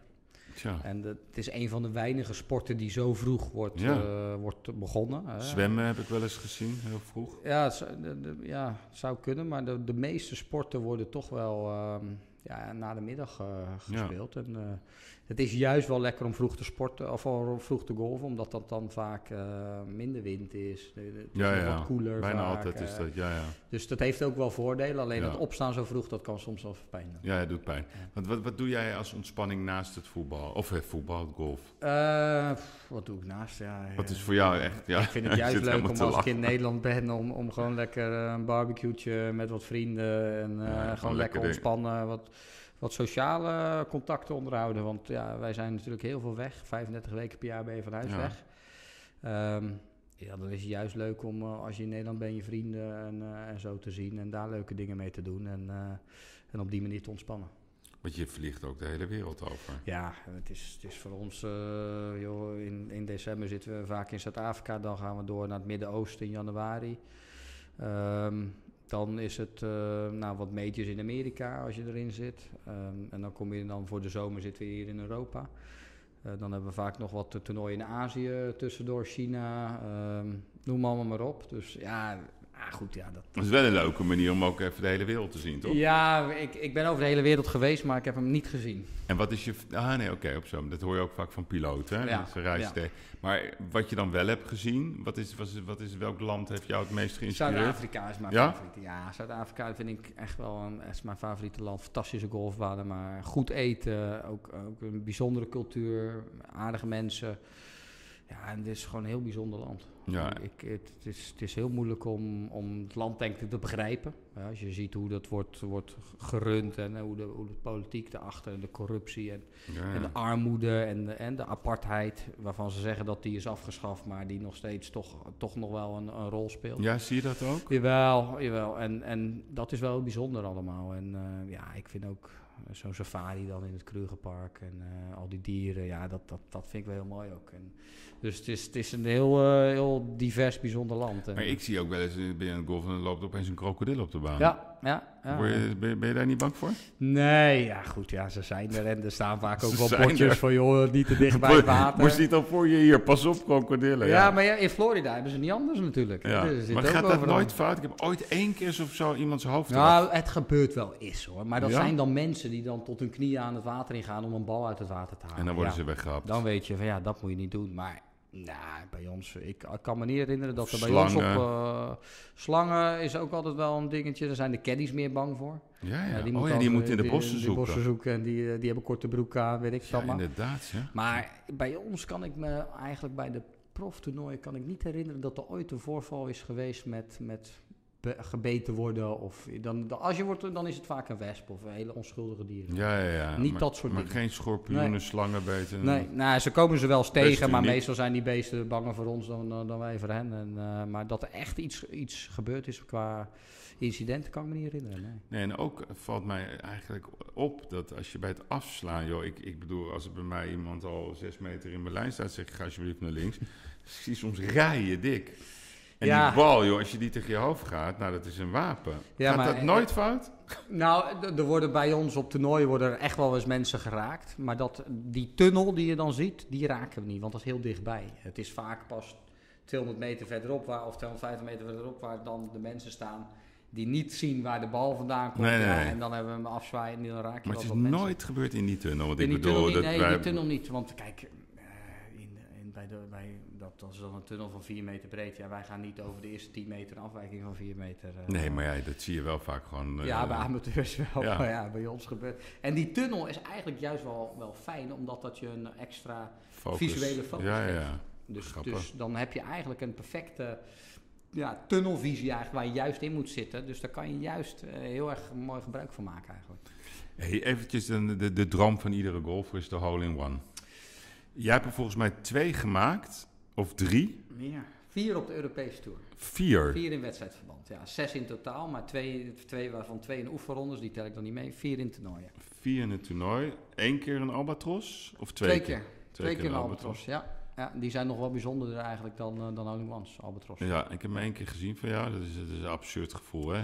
Ja, dat zijn van die ballen die. eh, dat zijn echt eh, ja, heel bijzonder en tegelijkertijd ook eh, onverwachts, want je verwacht het niet. Wat is de kans dat je hem van op een par 5 in 2 in de hol slaat? Die kans is 1 op de, weet ik, voor 100 miljoen geloof ik. Ja, maar goed, dat is ook een beetje geluk. Dat ja, dat is ook een beetje geluk, maar daarom eh, zijn dat dan juist als het gebeurt, is dat wel heel leuk. Ja, dat is wel Dat is wel geweldig. bijzonder. Maar dan kan je, is meestal zo, dan kan je een auto winnen. Ja. Maar ik, ik zou de vraag anders willen stellen. Wat zou jij het allerliefste willen bij een, als je een hole-in-one slaat binnen een golftoernooi? Wat ik voor die ene bal zou krijgen. Nou, Wat vind jij dat het zou moeten zijn? Nou ja, dat, wat je zegt, de traditie is natuurlijk een auto. Ehm, ik heb een auto gewonnen met mijn Holing One in Zuid-Afrika, een Audi TT Roads, die ik nog steeds heb eh, trouwens. Ja. Dus dat is wel heel, eh, heel leuk. Ja, wat zou ik ervoor... Ik, weet je, ik vind eigenlijk dat een Holing One, waarom moet dat nog iets extra's opleveren? Nou, dat weet ik niet. Het levert al een, een, een, een goede score op op die hole. Dus ja, ik zou liever, ik zou liever het toernooi willen winnen dan één Holing One. Ja, of bijvoorbeeld een, eh, een charity gift of zo. Ja, dat zou zoiets- het sympathieker zou- maken ja, dat je zou, eh, ja, een miljoen voor een goed doel wint Ja, of zo. zoiets zou, zou heel goed zijn om dat te doen. Want er worden nog wel eens Holing slagen en die auto's is allemaal leuk en aardig. Ja, Eh, maar uiteindelijk gaat het om het toernooi proberen te winnen en niet om die ene slag in mijn Nee. ogen. Hè. Zeker niet bij ons op, op, op, op profniveau moet het gewoon, een toernooi moet bo- bovenaan staan. Maar ze proberen op die manier natuurlijk wat extra aandacht en wat extra promotie eh, rondom eh, de sponsor of de toernooien te, ja, ja, dat te verzinnen. Eh, dus daar, daar zitten wat commerciële dingen Ja, achter. En dat is ook prima. Dat is nou eenmaal traditie geworden vaak. Maar ik, ik weet ook dat ze wel eens in Zuid-Afrika was dat volgens mij dat ze een stuk land kon je winnen. En dan mocht je dan een huis opbouwen op de golfbaan. Ehm, je hebt een, in het KLM Open, eh, Andy Sullivan heeft een ruimtereis gewonnen. Ja, maar ik weet, volgens mij heeft die nooit plaatsgevonden. nee, omdat die ruimtereis ja. nog steeds Er was niet BMW. BMW was er ook boos over dat hij de aandeel kreeg. Ja. Maar eh, zo verzinnen ze elke keer wel weer eh, wat anders. Maar de, de meeste mensen kennen toch de auto als, als Holing One prijs. Ik weet dat Robert Jan Derks heeft een kilo goud gewonnen. Ook kilo goud. In Hongkong, een goud. Dat is wel grappig. Ja, dus, dat, dus er worden ook nog wel eens wat, eh, wat aparte dingen opgezet. En, eh, Maar jou maakt het niet uit. nee, maar maakt niet uit. Je wilt toernooi winnen en die ene leuke, leuke bal die er dan per ongeluk ingaat. Nou ja, dat is leuk. En dat, eh, maar hoeft niet per se iets op te leveren. Oké. We gaan even uit het golfwereldje. Je krijgt van mij een privé... Je zit hier natuurlijk op het kantoor van Luxury Media Group. Dus je krijgt van mij een privé-eiland voor een weekje. Mag je drie mensen meenemen, maar het mag geen familie zijn. Wie neem je mee? Het mag wel mijn vriendin zijn. Nee, dat zie ik als familie. Dan zou ik een ander lekker wijf meenemen. Ja, Eh, eh, een ander lekker bij. Ja. Ja. Ja, dat is wel belangrijk toch? En, dat- en wie Eh, is dat? Ja, dus weet ik het. Wie moet ik dan meenemen? Eh, Wie wil je meenemen? eh, eh, ik vind Jessica Biel vind ik altijd wel leuk. Ja, die is leuk. Die vind ik wel leuk. Eh, die zou ik meenemen. Even denken, wie neem ik niet? Moet er drie zijn. Ja, drie, ja. Want je moet wel een week... eh, Ik, zou een goede, ik zou een goede kok meenemen. ja, heel slim. Eh, die kan lekker koken. En dan eh, zou ik nog een van, mijn, een van mijn vrienden meenemen. Dat we in ieder geval s s'avonds lekker op ons gemak een biertje kunnen drinken. Met, met een mooie vrouw erbij en, en lekker eten. Dan kijken jullie wel hoe je dat verdelen. wel een leuk antwoord, moet ik zeggen. Ik, ik moet je helaas ontslaan vanwege je golfactiviteiten. Ik ben niet meer tevreden. Welke baan zou je dan graag willen hebben? Oeh. Dan bedoel Welke ik geen golfbaan, hè? Geen nee, golfbaan. nee, ik wel. Welke baan zou ik dan willen hebben? Ik ga het wel voor je regelen, dus ik ben onaardig, maar ik regel het wel voor je. Ehm, lastig. Ik, ik denk dat het wel in de sport zou blijven. Ik, eh, ik vind dat voetballen, voetballen toch dan wel leuk. Zou ik wel een keer willen proberen. Ergens nou- op het middenveld. Ja, dat maakt niet uit. Eh mag ook gewoon op, eh, op, lekker op de bank zitten. ja, dat heb ik ook. En dat is op zich gewoon leuk. Ook, ja, hè? Dat je hè, gewoon, ja. als Winston Bogarde, die gewoon drie jaar bij Chelsea op de bank Ja. heeft gezeten. De- Ik zag hem wel eens op Schiphol. Dan ik zei, wat ben je aan het doen? Ja, ik moet even me melden bij Chelsea. En dan ging je echt 's ochtends op Schiphol. En dan vloog hij weer. s'avonds weer terug. Ja. Ja, ongekend. Nee, ik denk als ik echt mag kiezen qua positie, zou ik denk toch wel voor de spits gaan. Voor de spits. Ja, natuurlijk. Uiteindelijk wil je denk ik als voetballer wil je doelpunten scoren en, en wil je belangrijk zijn. En dat zijn verdedigers ook voor een team. Maar uiteindelijk zijn het natuurlijk wel de spitsen die natuurlijk in de schijnwerper eh, staan als er eh, een paar intrappen. Dus ik denk dat dat... eh, ja, dat zou ik wel eens willen, willen proberen. Kijken hoe dat is. Oké. En nu we toch aan het regelen zijn, ik- ja, ik regel ook een huurmoordenaar voor je. Want er moet even iemand worden omgelegd. Wie is dat? Ah, doe die Poetin maar dan, joh. Ja, echt? Ja, joh. Ja, joh, dat is toch ook allemaal rotzooi daar. Ik denk dat het land beter af is en de wereld beter af is zonder eh, dat soort gekken. Oh, nou laat het er maar niet. Nee, daarom dat ik ook niet stilhoud. Je bent ook nog nooit geweest, hè, in Rusland? Nee, ik ben in Rusland nooit geweest. Nee, nee, nee. Nee, nee, nee, oké. Wel leuk. Je bent, ik merk ook dat je politiek betrokken bent. Ja. Pijn. We- belangrijk. Je hebt een grote, dat is dan zeg maar geen mentale pijn, maar je hebt wel een behoorlijke polsblessure gehad. Hè? Ja. Dat is het verschrikkelijk. Toen heb je volgens mij ook gezegd, ja, dit komt nooit meer goed. Ja, ik heb twee keer natuurlijk een operatie aan mijn pols gehad. Waarvan de eerste eh, tien jaar geleden echt een zware operatie was. Heb ik er anderhalf jaar uitgelegen. Ja, dan, dan begin je wel eens aan jezelf te twijfelen van... eh, kan, eh, ga ik dit nog wel eh, ooit goed komen? Eh, kan ik nog wel op dit niveau spelen? Kan ik, het, eh, kan ik het nog wel aan? Ook fysiek is het belangrijk. Alles moeten doen. Ja, en toen kwam dat eh, vorig jaar op een andere manier in mijn pols weer terug. Dus op een of andere manier is mijn linkerpols gewoon mijn zwakke plek in mijn lichaam. Die als eerste zegt van ik, ik stop er even mee. Ja, ja. En dat is gelukkig nu allemaal weer goed gekomen. Maar ja, dat is wel vervelend. Maar tegelijkertijd hoort het ook wel weer bij topsport. Nee, dat klopt. Want als je, als je gewoon even een pijnanalyse maakt, welke pijn heeft jou het meest eh, gebracht tot waar je vandaag bent, vandaag de dag? Ehm, nou, dat is misschien wel de pijn van het verliezen zelf. Maar eh, één specifieke herinnering of verliezen in de algemeenheid? Ja, ik denk verliezen algemeen op dit moment zo. Maar ik denk dat je van... eh, ja, daar word je wel hard van, van verliezen. Zeker. En, en, en dat motiveert ook om nog harder te trainen en, en te werken. Misschien nog wel meer dan van overwinningen. Ehm, je hebt overwinningen wel nodig. Om Ja. af en toe eh, ja, ook te bevestigen van dat je op de juiste weg bezig bent. Alleen in golf win je gewoon niet zo vaak. Nee. Eh, en je verliest vaker, maar al die verliesdingen die moet je wel weer gebruiken om ook daar weer beter van te worden. Ehm, maar goed, ja, even denken, echt een pijnlijk moment. Ja, eh, ik, ik weet je, dat is gek in golf. Soms word je tweede en daar kan je heel blij mee zijn. Eh, Ja. Waar we het er straks aan het begin over hadden. Zo'n John Ram, die heeft gewoon goed gespeeld. Alleen hij, hij, hij moest er meer in kennen door, Ja. door iemand die zes of zeven slagen beter was. Dat kan je accepteren. Maar ik heb ook wel eens in, eh, in Singapore, toen had ik nog nooit een toernooi gewonnen, maakte ik bogey, bogey, bogey. En ik verloor met één slag op de, Op de laatste drie holes. Ja. En die deed wel heel pijn. Nee, oké, dat, die kan ik me, die, die, dat kon ik me ook maar, maar voorstellen. het mooie is dat ik die week daarna mijn lijstje won ik. ja, Dus toch op een of andere manier heb je toch ook dat gebruikt om Ja. toch weer, ja. Ja, ook daar weer positieve dingen uit te halen. Maar Dus dat vind ik kenmerkt wel- de ware sporter hoor. Die, die, dus, dus, die, die, die echt kunnen verliezen. Als je kan verliezen, volgens mij kan je dan ook winnen. Ja, heb ik ook wel moeten leren. Vroeger kon ik echt drie weken ziek zijn van een, van een- als ik een toernooi niet had gewonnen. Ja. Ehm, en dat heb ik wel. Ik ben nu wel wat rustiger geworden en ik kan het nu ook wat makkelijker relativeren. Ja, ja. En, en dan gelijk de dag daarna gaat de knop weer om op, eh, op, op, op ja, volgende toernooi en van hoe gaan, we, hoe gaan we beter worden. En daar moet de focus op liggen. Ik kijk vaak naar jou, dat wist je niet, maar eh, ik vind het heel leuk om te volgen. Mijn vrouw snapt niet dat ik bijvoorbeeld dan drie uur naar, eh, op de bank kan zitten. Daar snapt ze echt een keer ook wel eens ruzie over. Ik vind het echt geweldig. Maar dan kijk ik naar jou. Kijk jij ook naar jezelf? Dat je gewoon even zo'n toernooitje terug gaat kijken. Ja, ik kan, ik kan naar mezelf wel als golfer kijken, maar Ja. niet naar interviews kijken. Nee, oh, dat vind je lastig. Nee, daar vind ik gewoon... Daar word je helemaal misselijk Ja, van. dan kan denk ik, joh, wat wil je nou voor onzin? En eh daar Ja, kan ja. ik niet naar luisteren. Maar ik kijk wel zeker wel beelden terug.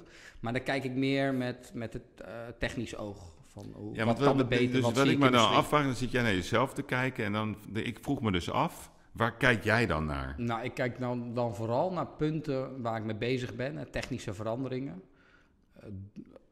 Zijn die waar ik ze hebben wil? Ja, Of ja. kan het beter? Maar jij kijkt echt technisch naar jezelf. Ja, ja puur technisch. Grappig. Ja, alleen maar naar posities, naar Hoe naar je staat. dingen. Ja, en, en ik weet natuurlijk precies waar ik mee eh, op dat moment eh, aan En, en dan was. heb je zo'n zo'n oh ja moment. Oh ja, daar ging het Ja, fout. en dan kan je ook, oh ja, ja, die put mis ik omdat ik dat, dat en dat fout doe. Ja, ja, wel. precies. Dus dat, dan weet je, oké, dan moet, dat moet nog beter. Dat moet nog constanter. En ehm, zo kijk ik daarna om, om ook weer te kijken van ja, wat, wat kan er beter en wat moet er beter en hoe is het onder druk. Want ik kan mezelf niet zien spelen onder druk. Dus eh, daarom moet je juist inderdaad de, de video's of, of beelden die er zijn bekijken om te analyseren van nou, hoe, hoe, hoe sta ik ervoor. Want ik eh, kijk dan bijvoorbeeld ook naar je petje. hè? Ja. Je, je hebt zo'n klep. Ja, Terwijl volgens mij 95% van de golfers heeft een petje. Ja. Ik, ik, ik even kijken, ik zag in, in Spanje er eentje. eh, eh, kan niet, nee, wie was het nou? Ehm, die lange, uh, Kiros, die heeft het ook. ja, even- ja, Kiros. ja. Maar waarom, waarom, waarom kies je daarvoor? Ja, ik heb altijd een eh, hekel gehad aan pet op mijn hoofd. Eh, Het is een beetje een rare vraag, ja, maar omdat ik het ook... heb vijf, de eerste vijf jaar van mijn profcarrière heb ik zonder pet gespeeld. Oh, zonder, gewoon helemaal zonder niks. helemaal niks. Ja, Ehm, ja, toen ben ik toch ook wel omgegaan omdat het beter is voor je ogen. Je ogen worden beter beschermd. En natuurlijk ook vanuit commercieel oogpunt. Voor sponsoring is het natuurlijk de ideale plek ja, om, eh, om op te staan.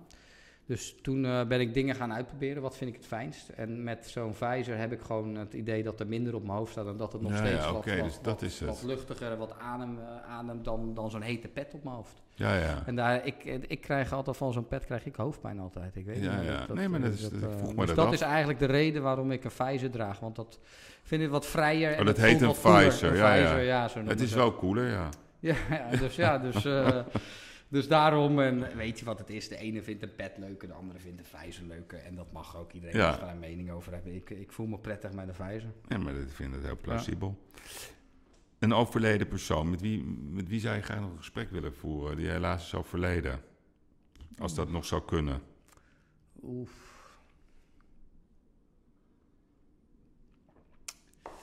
Het is wel een beetje van de hak op de tak. Ja, maar- dan moet ik... eh, mo- Zware vraag. vraagje op de eh, maandag, ja. Ik zit te denken.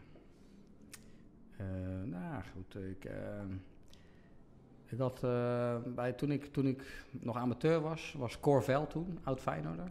Ja, was eh, eigenlijk de, de begeleider van ons team, ons jeugdteam. En ja, die, daar kon ik het heel goed mee vinden en die eh, kon ik heel goed mee, mee praten ook.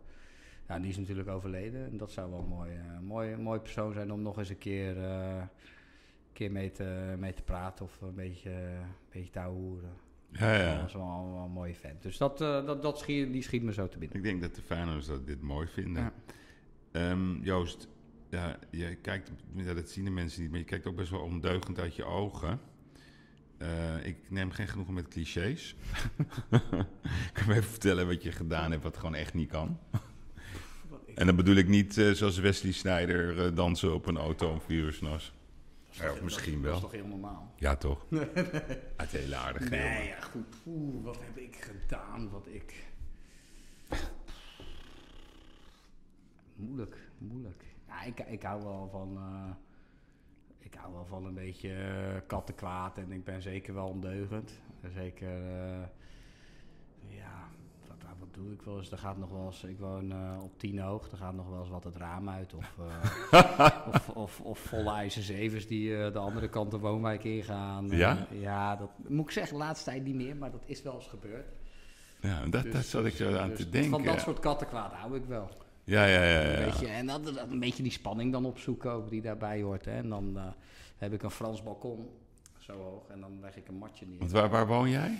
Ik woon nu in België, maar dit was toen ik nog in Rotterdam woonde. En dan leg je een matje Dan leg neer. ik een matje neer en die, dan moest ik precies, had ik ongeveer zo'n gat. En dan moest dan die bal door naar buiten. En dan ging die zo, als het goed is, eh, het park in aan de andere kant van de, van de weg waar auto's reden. Ja, en dan voel je die spanning. En, eh, Er is, nooit, er is nooit ergens in de krant gestaan dat er twee auto's op elkaar waren nee, gebotst. nee, nou, ik heb wel één keer toen, toen was ik heel jong bij mijn ouders. In de, in- mijn ouders hebben een soort wei, weiland voor het huis liggen. En daar stond ik dan met Floris Staes, een vriendje waar ik veel mee golfde, stonden met ballen te slaan. En toen hebben we wel eens een ruit horen sneuvelen. Maar we hebben nooit gevonden waar die ruit nou, eh, waar dat nou was. Dus we hebben er eigenlijk nooit wat eh, van gehoord. Mooi. Heel herkenbaar. Volgens mij heb jij een leuk, mooi leven. Dat is eh, mijn observatie. Ik, ik, ik, jij moet maar zeggen of het wel of niet is, maar volgens mij ben je er wel blij mee. Zeker. Maar is er iets wat je echt specifiek mist in dat leven wat je nu hebt? Nou, wat, ik, wat, wat het zware is aan, aan dit leven is dat het nooit. eh, Het, het lijkt nooit te stoppen in je hoofd. Je hebt nooit een moment dat je kan Nee. rusten. Je hebt altijd het idee in je hoofd van ik moet beter, ik moet trainen, ik, ik, moet, ik moet maar door blijven gaan. Ehm, en dat is soms wel mentaal heel zwaar.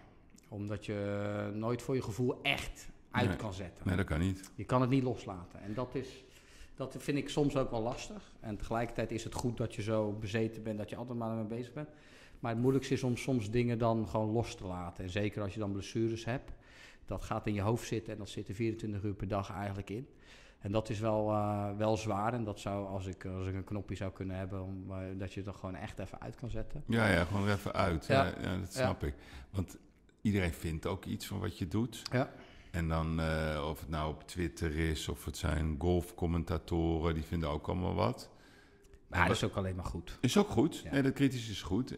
Maar doet, doet dat ook? Ik bedoel, je hebt ooit gezegd, ik, vind kritiek prima. En ja, eh, als het goede kritiek is, dan, dan kan ik daar op een bepaalde manier mee omgaan. Ja, kijk. maar vind je dat echt? Ja, soms is het ook heel irritant als iemand de hele tijd maar zit te prikken. Natuurlijk, als je mag kiezen, kies je liever eh, positieve eh, Ja, ja. eh, reacties.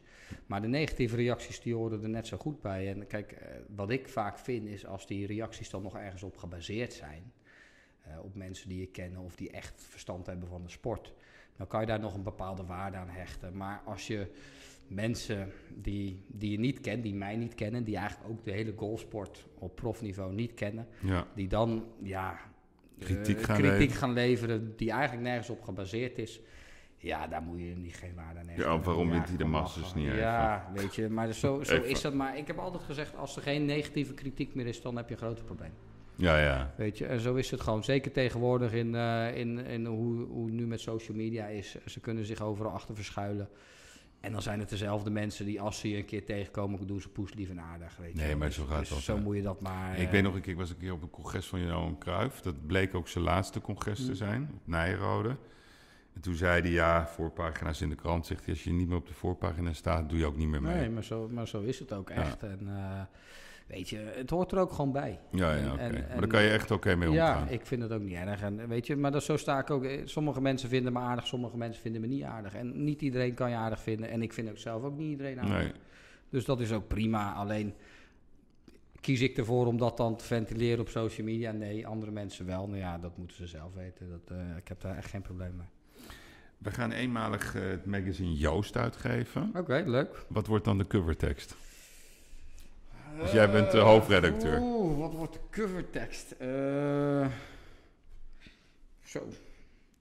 Ik maak het je wel moeilijk, hè, Ja, vandaag. zo. eh, mooi. Even, je had ze wel van tevoren mogen opsturen, had ik erover na kunnen denken. Ja, maar dan is de hele spontaniteit Ja, eh, wat mag er op de covertekst? Jezus. Eh, ik weet het niet. Ik, heb, ik een, eh, heb ik een pas? Want die kan ik passen. Ja, je mag gaan passen. Eh, ik, zou er, ik zou er wel iets positiefs aan, eh, aan, aan draai aan geven. Een leuk... Je mag er straks op terugkomen. kom ik dat, is de, dat is meestal de eindvraag. We hadden het net even over dat privé-eiland. Ik vraag me dan af, ja, dat zie je toch vaak in de sport. We kennen het verhaal van Tiger Woods. Die zeg maar voorliefde had ook voor heel veel verschillende soorten vrouwen. Eh, je reist veel. Dan vraag ik me altijd af, hoe, weer, hoe, hoe weersta jij met een jonge jongen? eh, ja, doet het goed. Hoe weersta je de verleiding van andere vrouwen als dat überhaupt gebeurt? Nou ja, kijk, eh, hoe weersta je dat? Ik denk dat het belangrijk is dat je goede mensen om je heen hebt. Ja. Dat je niet eh, altijd ja, echt in je eentje altijd bij bent. Je moet zorgen dat je, dat je juist ook andere jongens om je heen hebt die, waar je daarmee kan optrekken. En eh, weet je, uiteindelijk eh, is die verleiding overal niet alleen als je op een hotelkamer zit, weet je wel. Dus ja, het is maar net hoe je er zelf mee omgaat. En natuurlijk is het leuke aandacht van, van vrouwen en iedereen. Maar uiteindelijk eh, weet je ook wat je thuis op zitten, dat dat het beste is. Dus weglopen is beter. Dat is wel het beste, ja. Ja, dat is wel Het beste. Ja.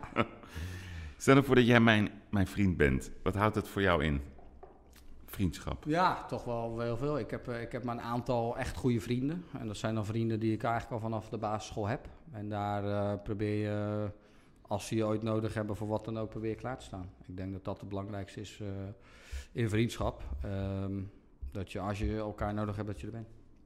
Ja, gewoon het echte voor elkaar zijn. Ja, op wat voor manier dat dan ook is. Ik bedoel, kan op, op heel veel verschillende manieren zijn, maar ik denk dat dat heel belangrijk is. Net gingen we even naar een andere baan. Ik ga het je weer heel moeilijk maken. Maar nu, nu ga ik voor je regelen dat je even een dagje mag ruilen met iemand in Nederland. Wat, wat moet ik voor je fixen? In Nederland? Ja. Uh, wat moet ik voor me fixen? Hoe... Uh, uh, verdenken. Lastige vragen allemaal, joh. Je mag hem ook even parkeren, dan hebben we er twee. Ik, ik kom, kom, daar kom ik ook even op terug. Ja, hè? We zitten ook bij luxury. We hadden het net beneden over wat dat, wat dat allemaal is, luxury. Nou, uh, toen hadden we het onder andere over ervaringen. Maar wat, wat, wat stoppen wij in de luxury basket, de gewenste luxury basket van Joost Luiten? Ja, ik ben wel van de gadgets. Ja? Dus, ja, ik ben wel van de gadgets, uh, gadgets en, en, en leuke, leuke, bijzondere hebben dingetjes. En tegenwoordig draait de wereld natuurlijk op uh, elektronica en noem maar, maar op, om daar de, de leuke gadgets in te, in te vinden. Um, en ik hou wel van, van uh, dingen die het leven gemakkelijker maken. Maar wat bedoel je dan? Nou, die Amerikanen zijn er goed in op een ja. of andere manier. Om, om alles eigenlijk uit te vinden wat misschien al lang bestaat, maar weer net even op een manier waardoor. En wat je niet wat... eens nodig hebt, maar dat ja. je toch denkt van hé. Hey, ja. ja. Dat je toch denkt, oh, dat is wel handig. Ja, is handig. Ja, en, en, en wat dat dan is, schiet men zo 1, 2, 3 niet te binnen, maar daar zijn die Amerikanen op een of andere manier heel goed in. En dan denk ik, ja, daar had ik toch zelf op kunnen komen. Maar ja, je moet er maar net op komen, weet ja, je wel. En, ja, en dat soort dingetjes zou, dat vind ik dan wel weer leuk. Heel goed. En dan, ja, dan hebben we het over jouw luxury basket. Maar ik heb het ook, wil ook even weten, het merk Lute, Lute, hoe je het ook noemen wil. Wat, wat, wat voor merk is dat? Want je bent toch ook, ja, je bent ambassador, je hebt sponsoring. Nou, ik, uh, ik, ik, ik denk dat het een exclusief merk is. Hmm. Uh, ik denk, te, terwijl, ja, eigenlijk is het heel dubbel. Ik denk dat het heel exclusief is, omdat er misschien niet zoveel van dat soort merken in Nederland zijn op dat gebied. Maar tegelijkertijd ben ik ook wel iemand die weer heel benaderbaar is. En Ja. misschien ook wel weer een heel, heel normaal merk. Dus ik denk dat het heel dicht bij bepaalde tegenstrijdigheden zit. Wat het misschien juist zo, eh, zo leuk en bijzonder maakt voor sommige mensen en sommige bedrijven ook. Nee, precies. Want als ik dan kijk naar jouw sponsoren, dan heb je een KLM, ik zie, ik zie Audi voorbij komen. Ik zie dat je ook eh, je koppelt aan Bergvilla's. Eh, dat is een, een ontwikkelingsproject. Ja, Bergvliet Village, ja. Ja, of sorry, Bergvliet Villa's.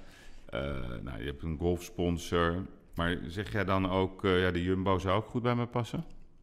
Die bijvoorbeeld Max Verstappen sponsort. eh. Nou ja, kijk, eh, dat, dat hangt volledig van af wat, wat, wat voor richting we dus op Ja, ja, wat, willen ze ermee bereiken? Wat, wat wil ik ermee bereiken? Wat kan ik voor ze terug doen? Dus het moet niet alleen maar van exact. één kant komen. Ja, Ik moet ook wel de waarde voor, van mij voor hun inzien. Ehm, en er moet een connectie zijn. Ik ben wel echt een gevoelspersoon. ja, En eh, er moet ook een, een persoonlijke klik zijn en, en, en een persoonlijke band opgebouwd worden. Niet alleen maar een zakelijke. En dat is juist het leuke van, van de sponsors die ik nu heb. Eh, ook PON, eh, familiebedrijf. Ja, PON, dus dat is ook een hele ook bijzondere band. Ja, ja en, en, en dat heb ik eigenlijk met al mijn sponsoren probeer ik toch wel eh, ja, op, een, op een leuke, ontspannen manier die band te onderhouden. En dat je, ook, dat je ook bereikbaar bent voor ze. En dat ze niet alleen maar... ehm, Ik heb de Ja. covertekst van jouw magazine. ik ben een benaderbaar exclusief merk. ja, op zich een goede, op zich een goede te- tekst, toch? Ja. Maar dat is mijne dan, Ja. hè? Ja, ik vind het mooi. En ik vond het leuk. Je zegt, ik ben een gevoelsmens. Nou, wij hebben eventjes gekeken in, ehm, in jouw persoonlijke statistieken. Geboren op 7 januari 1986. ja. Je bent als sterrenbeeld steenbok. En tot mijn verbazing doe je daar ook nog een uitspraak over. Ehm, ik ben een echte steenbok, zeg jij. Koppig, denk ik, of niet? Is dat de van de Steenbok? Ik weet niet eens wat de uitspraak is. Nou, je hebt gezegd, als ik een doel voor ogen heb, dan ga ik daar recht op af. Ja. Nou, dat is bijvoorbeeld het typische van een steenbok. Maar heb jij iets daarmee met astrologie? Nee, niet echt. Niet Nee, nee. echt. Nee, ik lees ze vaak wel en dan zie je ze ergens in een blad staan. En ja, ik kan daar niet zoveel mee. Ik kan daar niet zoveel mee. Maar goed, dit is wel waar. Ik, als dat eh, bij dat sterrenbeeld hoort. Weet je wie ook een, een steenbok is? Tiger Woods. Ja, ja. 30 ja, december. Dat wist, ik, dat wist ik wel trouwens. Maar ja, of daar dan dingen in zitten dat als je niet in die periode, dat je dan, eh, volgens mij, als je naar de Tour gaat kijken, dan lopen de 200, als we even de top 200, daar zal van alles tussen zitten. Dat klopt. Maar we hebben ook even gekeken naar de numerologie. En wat is Joost Luiten? Hij is een 5. Net zoals Johan Cruijff, Louis van Gaal, Pim Fortuyn, Thierry Baudet en ik ook. En wat is dat? Independent, like freedom, restless, quick thinker. Houdt van reizen, maar is ook veranderlijk.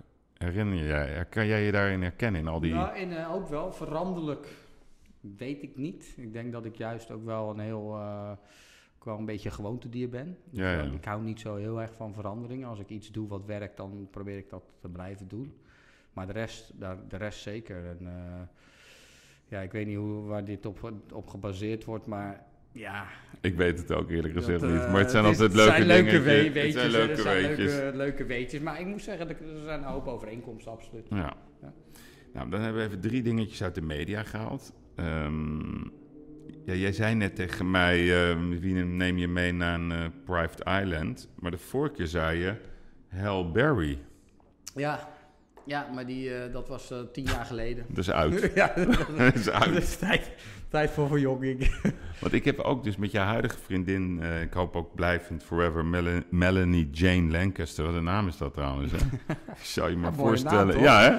Maar volgens mij in die Hal Berry eh, vroegen ze ook wie neem je mee. En toen heb ik volgens mij ook Michael Jackson gezegd. Oh, en Michael Die, Ja- Oh ja, die, nou ja, die kunnen we niet. Ja, die is en al die zou nog wel ook interessant zijn om Kijk, een keer mee te praten. Als, zie je? eh, wat je Dat is hem, hè? Dat is Zie je, toch dan wel komt ook wel wel een weer- bijzondere man Ja. om... Wat, welke vraag zou je hem dan stellen? In het huidige- een vraag is, maar ik zou zijn verhaal, het echte verhaal achter hem wel eens willen horen. Hè, wat, hij nou, eh, wat hij nou wel en niet heeft gedaan. Er zijn natuurlijk heel veel vage eh, verhalen. Niet alleen over, over het kindermisbruik, maar ook over zijn huid, over zijn neus, over eh, van alles en nog wat. Ja, ja. Ik denk dat hij wel een heel apart leven heeft geleid. Wat denk ik wel leuk is om een keer echt, echt te horen. Want volgens mij weet niemand het. Nee, dat klopt. Vind mooi. Feyenoord-Rotterdam. Dat is inmiddels wel bekend. Jij bent voor Feyenoord-Rotterdam. Leg dat eens uit. Ja, ik ben opge- opgegroeid in Rotterdam. Ik ben geboren in Blijs. Ik onder de rook van Rotterdam. Ik ben als kleine jongen samen met mijn vader gingen we naar het stadion. En mijn oudste broer, mijn twee middelste broers hadden niet zoveel met voetbal. Dus we gingen altijd met z'n drieën naar het stadion. Ja, en ik heb nog steeds twee stoelen in het stadion. En ik, ik, ik ben daarmee opgegroeid. En ik ben een eh, sport, sportman in hart en nieren. En wat dat betreft ook een Feyenoorder. Ja. Nee, ik, vind, ik, moet zeggen, ik ga elk jaar naar Feyenoord-Ajax. Ja, Ja. ik zal er eerlijk over zeggen, ik ben voor Ajax. Nou, dit jaar was het leuk. ja, Hè, in de Eén competitie. keer. hè, Eén keer ja. hè, in de beek was het leuk. even- ik moet zeggen, ik kom er wel altijd met heel veel plezier. Ik vind, ehm, ik weet niet hoe ik het moet uitleggen. Ik vind het altijd wel best wel heel bijzonder daar. En, en, en, en, dat, die haat ook, die, die, die Ja. er is naar Ajax, die ken ik niet omgekeerd. Wat is die haat? Nou, ik weet niet of het Die haat is er wel. Ja, bij bepaalde, bepaalde vak zeker. En dan moet je die jongens die daar zitten natuurlijk ook niet allemaal even serieus nemen. Want die zijn volgens mij ook nog een beetje onder invloed als ze dan in zo'n stadion eh, staan. Ja. Maar ja, ik weet niet of het haat is, maar het is meer, denk ik, de, de, de, de onderlinge strijd. En, en om, in mijn is het dan gewoon de sportieve strijd. We willen gewoon niet verliezen van hun. ja. Ja, en dat, Van hun. Ja, ja, en dan verliezen we misschien liever van, eh, van een wat andere, een andere club dan, eh, dan van Ajax. Ja. En op een of andere manier doet PSV al een stuk minder pijn. Bij, Ja, bij een Feyenoord. En waarom is dat? Dat, dat denkt de historie eh, onderling. En, Wat Ja. wij met, eh, met, met Duitsland ja, en het hebben. Is, ik, denk, ja, ik denk dat het niet eens alleen Feyenoord is. Het is natuurlijk altijd Rotterdam, Amsterdam. Of Ja, ja, ja. nou, op- 020, op- 010. Ja, dat is dan niet alleen op voetbalgebied, maar er gebeurt op een hoop andere dingen. Heb je altijd een beetje die onderlinge strijd. En die onderlinge strijd is ook goed. Alleen heel veel andere mensen die, eh, die gaan dan weer de grens over. Ja, en dan is het weer niet goed natuurlijk. Maar een beetje eh, eh, onderlinge ehm, ehm, prikkelingen, ja, dat is, dat is toch prima. Helemaal goed. Ik wil nummer 1 van de wereld worden. Ik hoop dat dat gaat gebeuren, maar dat heb jij een keer gezegd. Ja, dat was mijn eh, interview toen prof werd. En daar sta ik nog steeds achter. Natuurlijk wil ik nummer 1 van de wereld worden. En ja, dat is het moeilijk in Nederland. Als je zoiets zegt, dan word je gelijk eh, als arrogant. Of, maar het zou toch heel ra- raar zijn als ik zeg van wat wil je bereiken als prof. Dat je zegt van ja, ja ik ben blij als ik gewoon eh, mee mag doen. Dat, dat kan toch niet als sportman. Dat, dat zit niet in mij. En dat moet ook helemaal niet in je zitten. Want anders kan je beter wat anders gaan doen. Hè, maar hier in Nederland moet je daar gewoon nou, ik zeg niet mee oppassen, maar daar zijn ze niet zo gewend. In Amerika ja, is dat heel normaal als je dat Maar toch, hè, ik vind het zo raar. Hè? Kijk, we zijn echt, een, echt best wel bijzonder. Hè? Als je ziet ook nu met dat WK Vrouwen. Als je die Max Verstappen ziet. Die Mathieu van der Poel. Ja. Joost Luiten. Nou, helaas, sorry voor jou, maar Ajax afgelopen seizoen. Nee, maar eh, we hebben heel veel goede... Dan denk ik, ja, het, het, het, het is knap.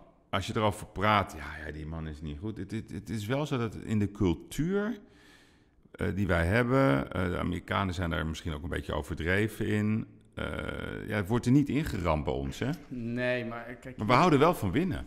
Ja, we houden van winnen. Maar als je Ja. dan de week daarna niet meer wint, dan word Dat je ook wel het. gelijk weer afgemaakt. En, Dat is interessant wat je en, zegt. en, en dat is in Amerika, daar als je dan wat gewonnen hebt, of je hebt wat gepresteerd als sporter, of als, ook als zakenman, en niet alleen in sport, maar in, Ja. in, in veel breder is dat daar, denk ik. Dan krijg je daar ook de waardering voor. En, en dan, dan, dan, hier is het, ja, als je dat dan niet, ineens niet meer, niet meer doet, dat presteren, dan ben je ook ineens eh, een eikel en een loser en weet ik veel wat. Neem Van Basten. Ja, een van de beste voetballers ooit. Maar die wordt nu afgerekend omdat hij één of twee keer als coach het niet goed heeft gedaan. Ja. We zijn bijna vergeten hoe goed hij was als voetballer. ja, dat ben ik met je eens. en dat is natuurlijk eigenlijk doodzonde. Ja, klopt. Terwijl we kunnen hem beter, veel beter herinneren voor de dingen die hij wel goed heeft gedaan. Nee, Alleen die waren sensationeel. Hier in Nederland herinneren we liever de dingen die hij niet goed heeft gedaan. Maar hij heeft wel eh, de Europese kampioen gemaakt in, Ja. eh, in, in 88.